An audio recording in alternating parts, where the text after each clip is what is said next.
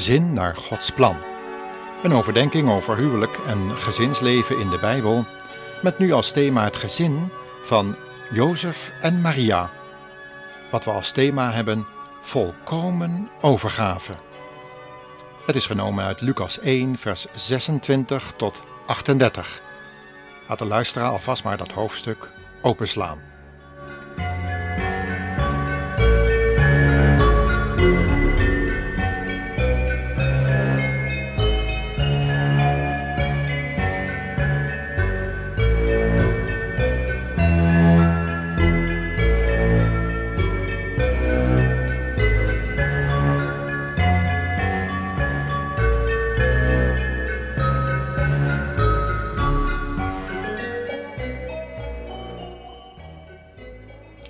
Boven het gedeelte wat we vandaag mogen overdenken, zouden we best kunnen zetten volkomen overgave.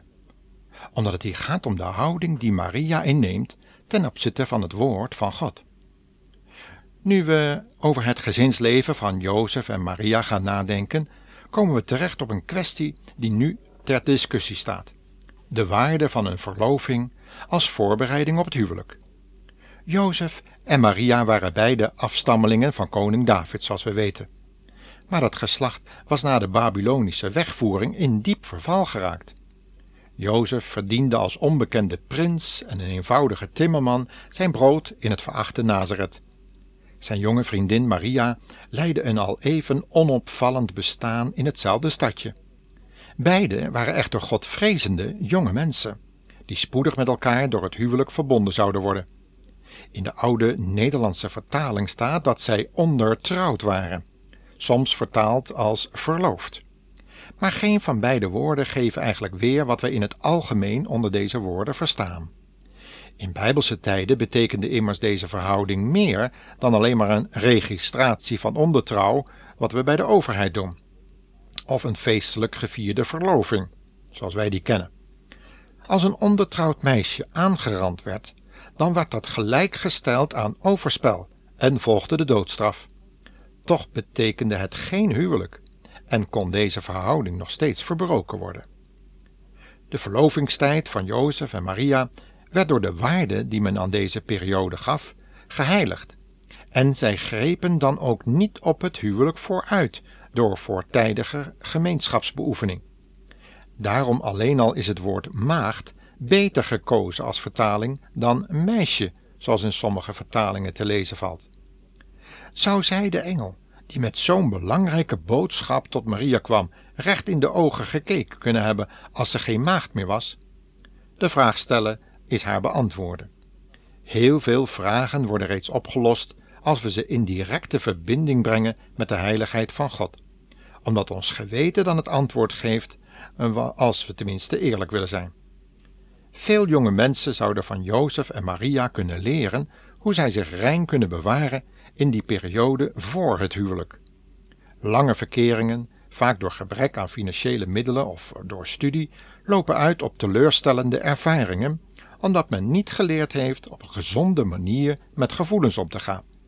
Gebrek aan zelfbeheersing is ook een gebrek aan zelfdiscipline. En wanneer jonge mensen in de puberteit niet geleerd hebben om met hun verlangens op de juiste wijze om te gaan en daaraan gemakkelijk kunnen toegeven, zal het huwelijk gekenmerkt worden door spanningen die zich vaak ontladen in liefdeloze oplossingen, zoals het zoeken naar middelen die Gods oplossingen in de weg staan. Het huwelijksleven, zoals God het heeft bedoeld, wordt dan ook gekenmerkt door geduld, zelfbeheersing, overgave en volhardende en liefdevolle trouw en toewijding. De twee personen uit de vorige uitzending, Zacharias en Elisabeth, vertoonden deze kenmerken van een goed huwelijk. Wat een zegen om zo samen oud te mogen worden en je samen voor te bereiden op de eeuwigheid bij de Heere God in de hemel. De oude zendeling pedagoog Wils geeft een ervaring door die ik de luisteraar graag wil doorgeven. Hij schrijft in zijn bekende boek Gezin naar Gods plan het volgende. Ik heb een jong echtpaar gekend dat zwaar in de problemen zat. Bij het gesprek bleek dat zij in de verlovingstijd meermalen geslachtsgemeenschap had beoefend na het herhaalde aandringen van haar geliefde. Toen zij zich tot een oudere gelovige vrouw wendde om raad, had deze haar aangeraden aan zijn verlangen maar toe te geven. Ze had gezegd: Als jij dat niet kunt, dan heb je hem niet genoeg lief. Wij hebben het ook gedaan. Maar treffend is dat geen van beide huwelijken probleemloos was. Ik zie nog het betraande gezicht van de jonge vrouw voor mij en hoor haar zeggen: Ik heb me al die tijd toch zo ongelukkig gevoeld. Veel glans van de verloving en het huwelijksleven was verdonkerd. Tot zover deze oude zendeling en pedagoog. Nu is het gelukkig niet zo dat het vooruitgrijpen op het huwelijk noodzakelijkerwijs moet uitlopen op een mislukt huwelijk. Gods genade is groot. En hij kan en wil bij alle huwelijksproblemen uitkomst geven, als we maar ook moedig met zondebeleidenis voor zijn woord ons willen buigen en ook naar elkaar toe durven te erkennen dat we fout zaten met het vooruitgrijpen op het huwelijk en ons gebrek aan zelfbeheersing. Wat hebben we toch nodig om die geest van zelfbeheersing te hebben? Mag ik de jonge luisteraar vooral vragen of hij die heilige geest, die zelfbeheersing in ons kan geven, of hij die al ontvangen heeft? In Efeze 1 vers 13 kunnen we lezen hoe we dan wel die heilige geest ontvangen. Niet in de eerste plaats door handoplegging, maar door geloof in de Heer Jezus Christus en totale overgave aan Hem van ons hele leven. Dan ontvangen we door gehoorzaamheid aan Zijn woord ook Zijn Heilige Geest, die ons niet alleen zal leiden in al de waarheid, maar ook die gave van zelfbeheersing zal geven, die we vooral in dat voorhuwelijkse stadium, maar ook in het huwelijk zelf, zo nodig hebben. Laten we eens horen wat dat koor uit de Utrechtse Adventzanggroep, die al sinds 1971 liederen ten gehore brengt, die gaan over de verheerlijking van de Heer Jezus en wat Hij allemaal voor ons wil doen. Laten we eens luisteren naar wat zij daarover te zeggen hebben. Ze hebben een lied dat gaat over de blijdschap. Een blijdschap omdat ze zekerheid hebben. En een zekerheid die alleen maar door de Heilige Geest gegeven kan worden. Luister maar weer mee.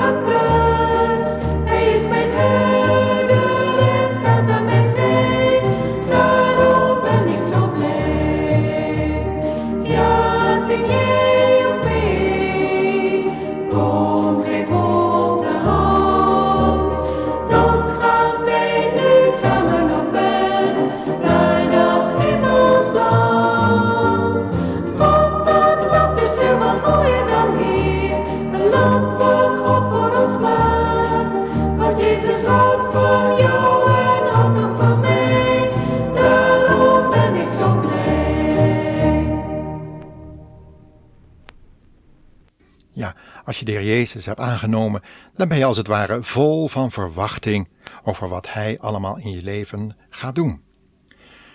Toen de engel met Maria begon te spreken over zwanger worden en vertelde op welke wijze God dat allemaal wilde bewerken, begreep zij dat natuurlijk niet gelijk. Ze besefte dat ze als maagd niet zomaar zwanger kon raken, daar ze gewaakt had over haar maagdom. En is dat eigenlijk geen mooie les voor jonge meisjes die zich voorbereiden op het huwelijk? Maria is hun voorgegaan op de weg naar een gezonde relatie en heeft ervaren dat God haar daarin kracht wilde geven. Laten we nu eens lezen hoe Maria uiteindelijk reageerde op Gods woord en de les daaruit trekken voor onze situatie. Ze zei namelijk: Zie, hier is de dienstmaagd van de Heere. Laat mij geschieden naar uw woord. Uit deze woorden kunnen we opmerken hoe vol verlangen die jonge Maria is geweest om Gods wil te doen. Zou de Heer haar dan overlaten aan allerlei verlangens die zich niet onder de controle van zijn geest laten brengen? Nee dan. God schenkt genade en de kracht van de Heilige Geest, die ook het deel van mijn luisteraars kan worden. Het resultaat van Maria's onvoorwaardelijke overgave aan Gods plannen en gedachten weten we. God heeft zich via dit gehoorzame meisje kunnen manifesteren in het vlees, zoals Paulus het schreef aan de jonge Timotheus. Hij zegt: Buiten alle twijfel, groot is het geheimenis van de godsvrucht, die zich geopenbaard heeft in het vlees, is gerechtvaardigd door de geest, is verschenen aan de engelen, is verkondigd onder de volkeren, ja gelooft in de wereld en opgenomen in heerlijkheid. We kunnen dit lezen in 1 Timotheus 3, vers 16. Gemakkelijk te onthouden, want het bekende vers over Gods liefde voor deze wereld staat in Johannes 3, vers 16. Is het dan nog verwonderlijk dat een bezorgde Paulus aan de gelovigen in de provincie Galatië schreef: Het is wel goed dat er ijver getoond wordt in het goede, maar als het maar alle tijd en niet alleen maar wanneer ik bij u ben gebeurt. Mijn kinderen, ik ben ten opzichte van jullie opnieuw in barensnood, totdat Christus gestalte in u verkregen heeft. U kunt deze uitspraken lezen in Galaten 4, vers 18 en 19. We zien wel dat ook wij in verwachting kunnen zijn van de Heer Jezus. Hij wil graag ook in ons leven gestalte nemen, zoals Paulus ook aan de Galatiërs dus schreef. En dat kan doordat we ons net als Maria geheel overgeven aan de leiding van Gods Heilige Geest. Doen we dat, dan heeft u genade bij God gevonden. God zegende de luisteraar en tot ons volgende programma, waar we verder zullen nadenken over het leven, het huwelijksleven van Jozef en Maria.